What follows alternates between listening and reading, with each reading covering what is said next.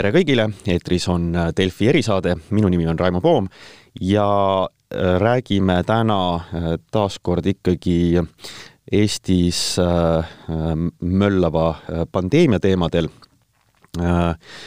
mul on hea meel liinil, siis Delfi stuudio liinil omada Põhja-Eesti Regionaalhaigla juhti Agris Peedut, tervist! tere!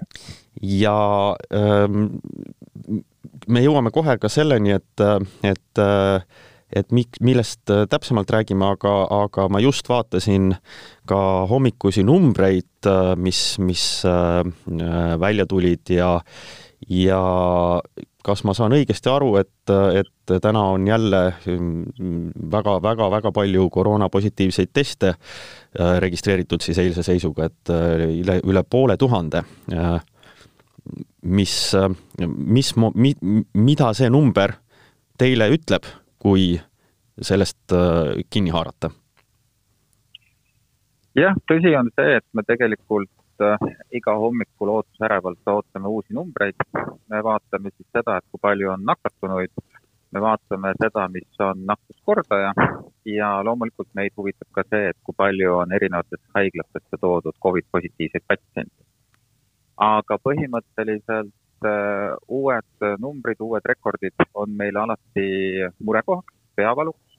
see tahes-tahtmata tähendab seda, et ka patsientide arv haiglates äh, kasvab mm. -hmm. ja see tähendab omakorda seda, et me peame siis äh, kas võtma vastu uusi eskalatsiooniplaane, mida Terviseamet saadab, või siis loomulikult mõtlema läbi ka, kuidas me ise ennast võimestame, kuidas näiteks teha juurde Covid patsientidele voodikohtasid, mis omakorda tähendab jälle voodikohtade arvu vähendamist äh, muus töös ehk plaanilises töös mm. -hmm.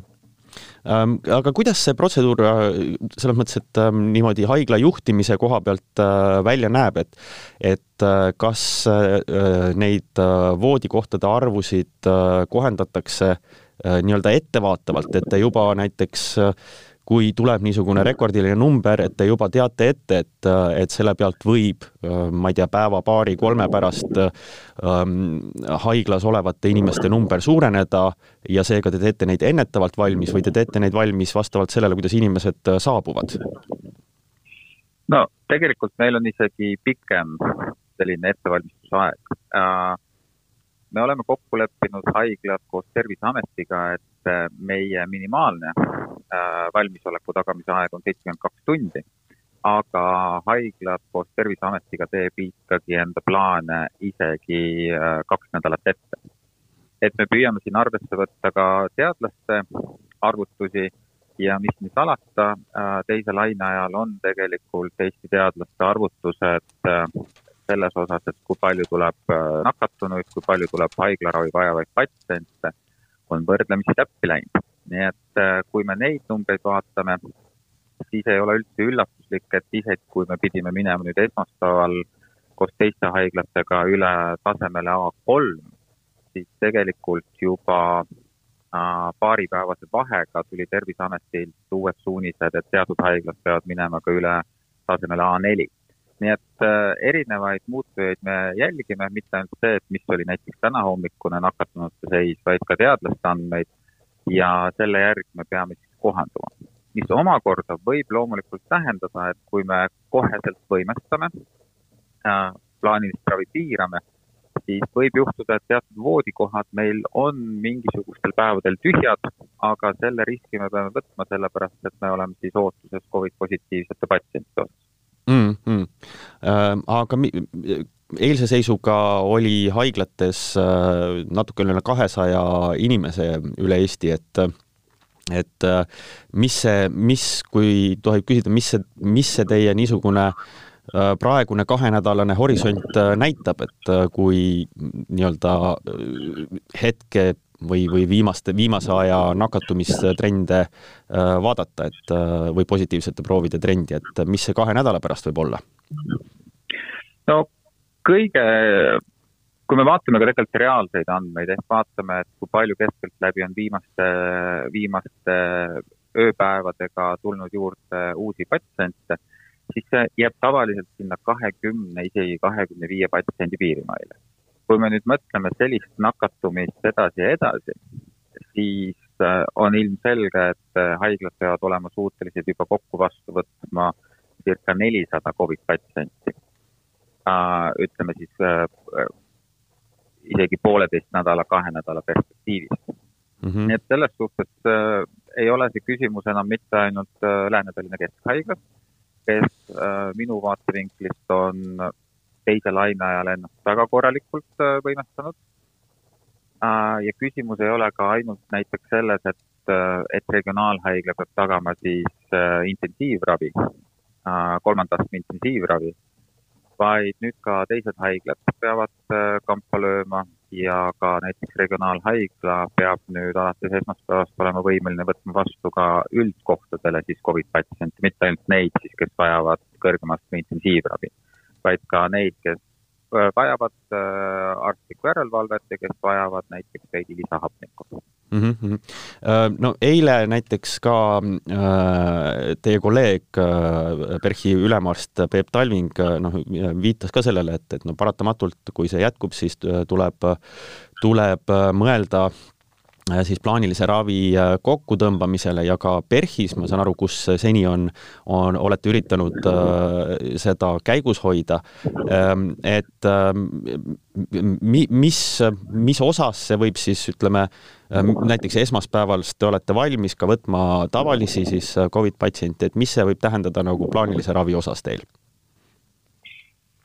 kõigepealt võib-olla ma selgitaksin seda, et ega see plaaniline ravi on väga lai mõiste. see plaaniline ravi enda all hõlmab nii polikliiniku vastuvõtte ehk ambulatoorset ravi, hõlmab ka päeva äh, statsionaari, päevaravi ja hõlmab siis äh, statsionaari, sealhulgas ka siis äh, kirurgiat mm. -hmm. nüüd, mida me oleme esimesest lainest õppinud ja kus nii PERH kui ka teised haiglad on vastavalt käitunud, me ei ole keegi tegelikult enda ambulatoorset tööd vähendanud ehk siis polikliiniku vastuvõtud äh, toimuvad äh, täisvoos. ja isegi, kui seal tuleks äh, vähendada vastuvõttusid, siis esimesest lainest on kõikidel tegelikult väga hea kogemus kaugvastuvõttudega. arstid oskavad seda, õed oskavad seda ja patsiendid oskavad ka seda, nii et selline tagasiside oli tegelikult kaugvastuvõttudele võrdlemisi positiivne nii et ambulatoorses ehk polikliiniku vastuvõtus ma suurt probleemi ei näe, isegi kui mingi hetk tuleks näiteks minna kaugvastuvõttude peale mm. -hmm. nüüd äh, päevaravi, siin tuleb ennekõike tuua esile näiteks onkoloogiline keemiaravi, mida me nimetame ka päevaraviks, kus siis patsient tuleb meil päevaravisse ja saab enda ravimit manustatud ja siis äh, pärast ravimite manustamist läheb uuesti koju puhkama siis seda me loomulikult ka jätkame. et äh, onkoloogilised haiged, mis meie vaates on ikkagi aegkriitilised äh, haiged, siis äh, nendele on ükskõik millises laines ja millise laineharjal me oleme, nendele on ravi ka tagatud mm -hmm.. sealhulgas nii kiiristusravi, keemiaravi kui ka siis onkokirurgia. kui me nüüd sealt edasi liigume sellele statsionaari poolele ehk plaanilisele ravile, siis tõepoolest ega meil neid infrastruktuuri mõttes voodikohtasid ei ole kuskilt mujalt võtta kui teistest osakondadest ja loomulikult kõige suurem murekoht on ikkagi personal. ega me sellisel perioodil kuskilt personali juurde ei saa. me ei, isegi kui saaksime kuskilt vabatahtlikke, siis ega me ju vabatahtlikke, kellel ei ole meditsiinilist haridust, ei saa ju patsiendi juurde panna. et selles võtmes me loomulikult kui me võimestame ennast äh, Covid positiivsete vastuvõtuks, siis see tähendab äh, teatud osas või teatud erialadel plaanilise ravi vähendamist.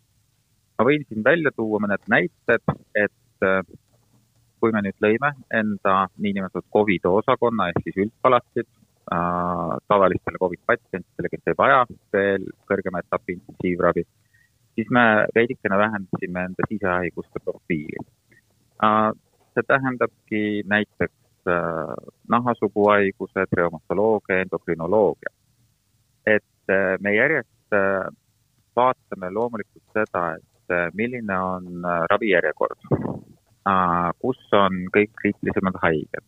konsulteeritakse erialaarstidega, ja see alusel tehakse ka siis juhatuse poolt otsused, et milliseid erialasid koomale tõmmata. Me loomulikult vaatame ka hetkel seda, et, et kus siis need patsiendid, kelle ravi me edasi lükkame, kus nad vajadusel saaksid ikkagi enda ravi jätkata, kui nad ei taha seda nii-öelda meie juures saadud edasi lükata mm. -hmm. et äh, naaberhaiglad äh,, kes võib-olla praegu, kuivõrd nii-öelda epitsentrid on Ida-Virus ja Tallinnas, siis võib-olla need naaberhaiglad äh, teistes maakondades, kes veel ei pea olema nii aktiivselt võimestunud Covid patsientide osas ja kui patsient soovib minna äh,, siis ta võib ka nendes haiglates äh, ravi saada. loomulikult ei kao ära kuskile perearsti nõuanded ja tegelikult on võimalik ka eriarstilt saada siis konsultatsioone, sealhulgas ka ju perearst saab alati konsulteerida eriarstiga näiteks e-konsultatsiooni teel mm. -hmm. Ähm, tulles korra veel äh, siis Covid patsientidest, et äh, tegelikult kui, ähm, kui äh, leppisin kokku seda intervjuud, siis, siis ma osaliselt ähm, tõuke sain sellest, et just sel nädalal te teadsite ka sellest, et, et tegelikult äh, jõudis kohale äh, üks sats siis uusi hingamisaparaate kevadel esimese laine ajal, mäletatavasti oli see omaette teema, et kas Eestis on neid piisavalt, kas tuleks nii-öelda ettevaatavalt neid juurde tellida. Ja nüüd ma saan aru, et, et üks tellimus on siis mis puudutab umbes viiskümmend aparaati, on, on siis saabumas osaliselt või üle poole ma sain aru, on juba kohal, kakskümmend kuus neist. Ähm, et kas, kas need äh, uued aparaadid äh, siis äh, annavad täiendavat ja paremat võimalust siis ähm, tegelikult olla valmis selleks, et, et võib-olla rohkem tõsiseid koroonapatsiente, keda peab toetama niisuguse aparaadiga? Jah, tegelikult oli sedasi, et eks ütleme, et esimese laine ajal, äh, kui meil oli valitsusliikmetega see diskussioon äh, uutest hingamisaparaatidest, siis loomulikult me toetasime seda, et äh, haiglates võiks äh, hingamisaparaadid äh, uuendada, sellepärast et teatud haiglates olid need võrdlemisi vanad juba mm. -hmm. Aga me ei toetanud juba alguses nii Regionaalhaigla kui ka Tartu Ülikooli Kliinikum, kellel on kõige suurem siis äh, kunstliku ventileerimise võimekus ei toetanud ka seda, et me hakkaksime nüüd äh, haiglatesse neid lihtsalt kokku ostma, sellepärast et äh, kõige suurem probleem, mis ma juba enne ka ütlesin, on kvalifitseeritud personal mm. -hmm. et ega me kuu-kahega ei suuda ka kedagi välja õpetada, tegemaks äh, ja, ja kontrollimaks ja tegemaks järelevalvet kunstliku ventileerimise osas. seetõttu äh, oli igati mõistlik, et Äh, riikliku rahastuse toel me saime nüüd Põhjaregiooni ostetud viiskümmend uut hingamisaparaati. nii nagu äh, sai ka eelnevalt öeldud, siis need jaotati või on juba suuremas osas jaotatud erinevatele haiglatele laiali. Need asendavad siis seni haiglates olnud hingamisaparaate ja senised ehk nii-öelda vanad, need siis äh, ei lähe hetkel kuhugile müügiks ega, ega äraviskamisele, vaid need haiglad hoiustavad, et juhul, kui Covid kriis läheb väga hulluks kätte ära, siis vot siis nii-öelda kriisiolukorras, tõelises kriisiolukorras on võimalik need aparaadid äh, välja võtta ja püüda siis leida see personal, kes, äh, kes tuleb nagu appi. Aga kindlasti see ei ole see, et äh, nüüd riigis oleks oluliselt võimestatud kunstlikku ventileerimist, et seda ei ole kas või patsientide turvalisuse ja patsiendi ohutuse huvides ei ole see mõistlik, et aparaatide taga peab ikkagi olema professionaalselt välja õppinud õed ja arstid äh, ja sellega on tagatud paremini patsiendi ohutus kui see, et me nüüd kiirkorras äh, võtame kuskilt polikliinikust või teisest osakonnast äh, õe-arsti, kes tegelikult ei ole kunstliku ventileerimisega tegelenud mm,. kusjuures ma tahtsin nende uute aparaatide kohta ka küsida, et, et need ähm, teie ise ütlesite välja, et need on väga kõrgtehnoloogilised ja, ja väga paljude erinevate funktsioonidega, et, et võrreldes vanadega, et, et kas see on tähendanud ka seda, et noh, kui räägite personalist, et, et tegelikult on olnud vaja ka siis nende uute aparaatide jaoks siis tegelikult ka olemasolevat spetsialiste täiendkoolitada, et nad oskaksid niisuguste asjadega ringi käia jah, absoluutselt, et äh, kui me räägime näiteks regionaalhaiglast, äh, siis me oleme spetsialiseerunud äh, kõrgema etapi intensiivravile ja, ja meil on see kunstlik ventileerimine, kunstlik hingamine on meil üks tavapärane ravi osa, et meie õed-arstid on vilunud, aga ka kui meil tulevad uued meditsiiniseadmed, siis nii meie meditsiinitehnika insenerid kui ka tegelikult meie arstid-õed saavad iga uue aparaadi kontekstis ikkagi väljaõppe. ja seda ka seekord. ja kui me räägime nüüd teistest väiksematest haiglatest, kus äh, sellist äh, kunstlikku hingamist väga aktiivselt ei kasutata, siis loomulikult äh, üks kindel osa, kui need aparaadid tarniti, oli ka personali koolitamine, ehk siis koolitati neid, kes on seniste aparaatidega juba välja koolitatud ja neile anti siis äh, lisateadmisi, lisainformatsiooni, et, et see on meditsiinis äh, tavapärane asi, kui tuleb uus seade, peab tulema ka seadme äh, koolitus äh, meditsiinitöötajatele mm.. ma, ma igaks juhuks küsin, et, et kui siin äh, mitu korda viitasite sellele, et need noh, kõige suurem probleem on personal ja, ja noh, selles mõttes, et, et, et koolitatud äh, inimesed, aga samas äh, noh, on see variant ju äh, ikkagi nii-öelda riskiplaanina üleval, et, et see koroonakriis võib minna laiemaks ja tõeliseks kriisiks. et mis on need äh, Te kindlasti olete mõelnud selle peale, et mis on need, no et, et, tõesti tänavalt ei saa võtta inimest ja panna öö, hingamisaparaati opereerima, aga mis on need nii-öelda puhverressursid noh, vajadusel, viimasel vajadusel, kust siis leida inimesi, keda on võimalik kiiresti koolitada ja, ja siis vajadusel juurde panna, et kas te olete mõelnud niisuguse asja peale ka? Jah, see, see küsimus on, see küsimus on väga õige täiesti otsekoheselt ma pean tegema kriitikat nii regionaalhaigla suunas kui ka teiste haiglate suunas kui ka riigi kui terviku suunas.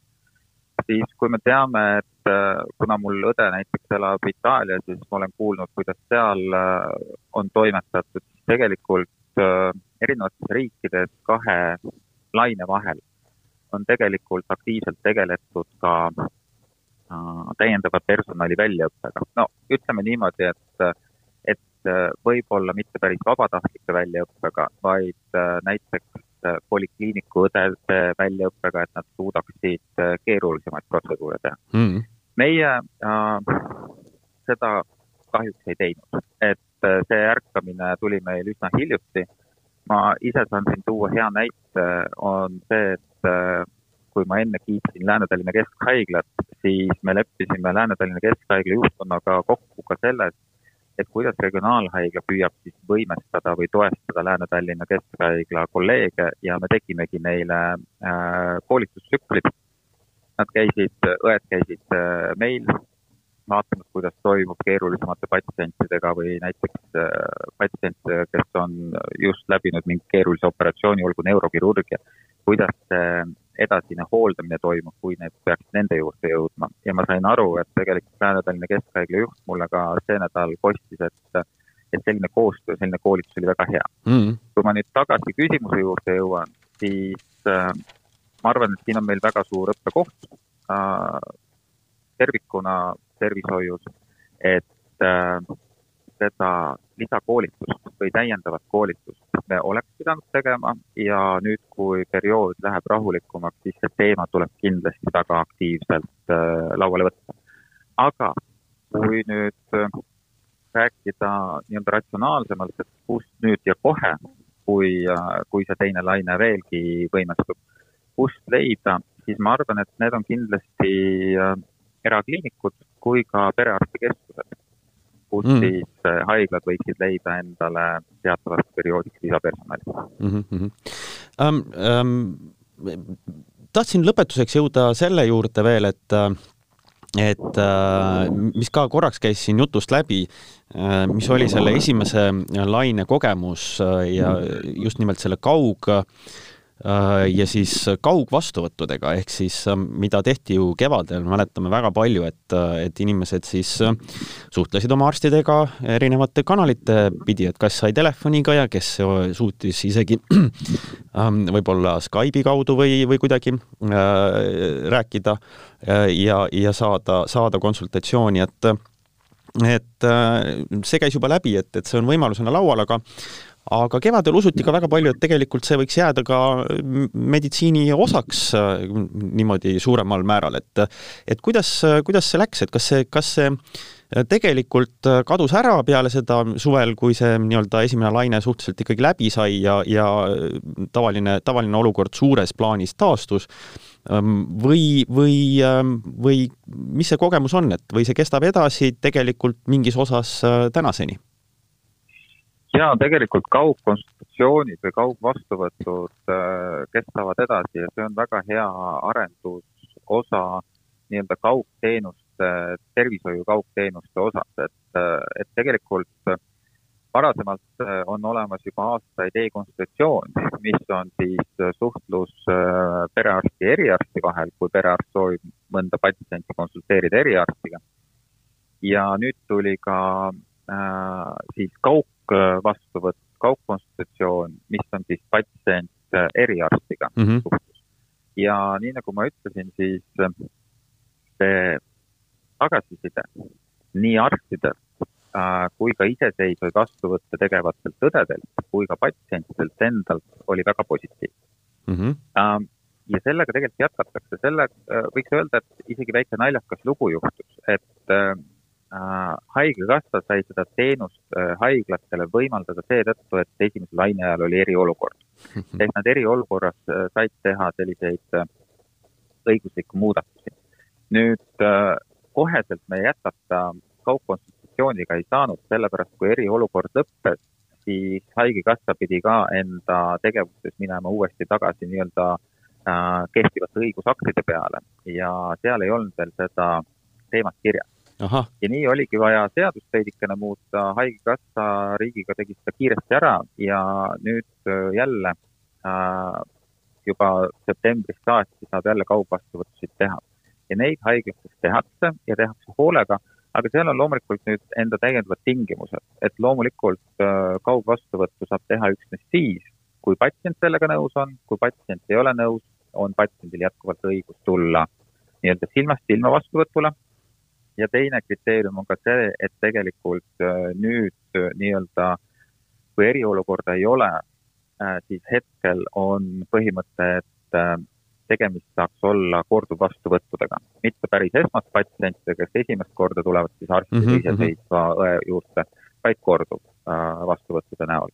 ja see tegevus elab ilusti edasi, jätkuvalt on positiivne tagasiside nii tervishoiutöötajatelt kui ka patsientidelt aga tasubki meelde tuletada just siinkohal äh, patsientidele ja nende lähedastele, eriti kui on vanemaealised patsiendid, siis äh, kaugvastuvõttu saab teha üksnes siis, kui patsient on sellega nõus ja patsiendil on see mugav mm. -hmm. no nii, aga äh, ma usun, et äh, tervishoiusüsteemi arengu mõttes või, või ka tuleviku mõttes äh, eks see on muusika, mida me aina rohkem kuuleme, sest et, et äh, Äh, et äh, tegemist on kindlasti asjaga, mis võimaldab äh, väga efektiivselt tegelikult siis patsiente ette võtta ja neid, nendele abi pakkuda. aga nüüd laseks teid tagasi päevatoimetuste juurde, mida on kindlasti väga palju ja, ja täname meile praegusest olukorrast rääkimise eest, aitäh, Agris Peedu! suur tänu teile!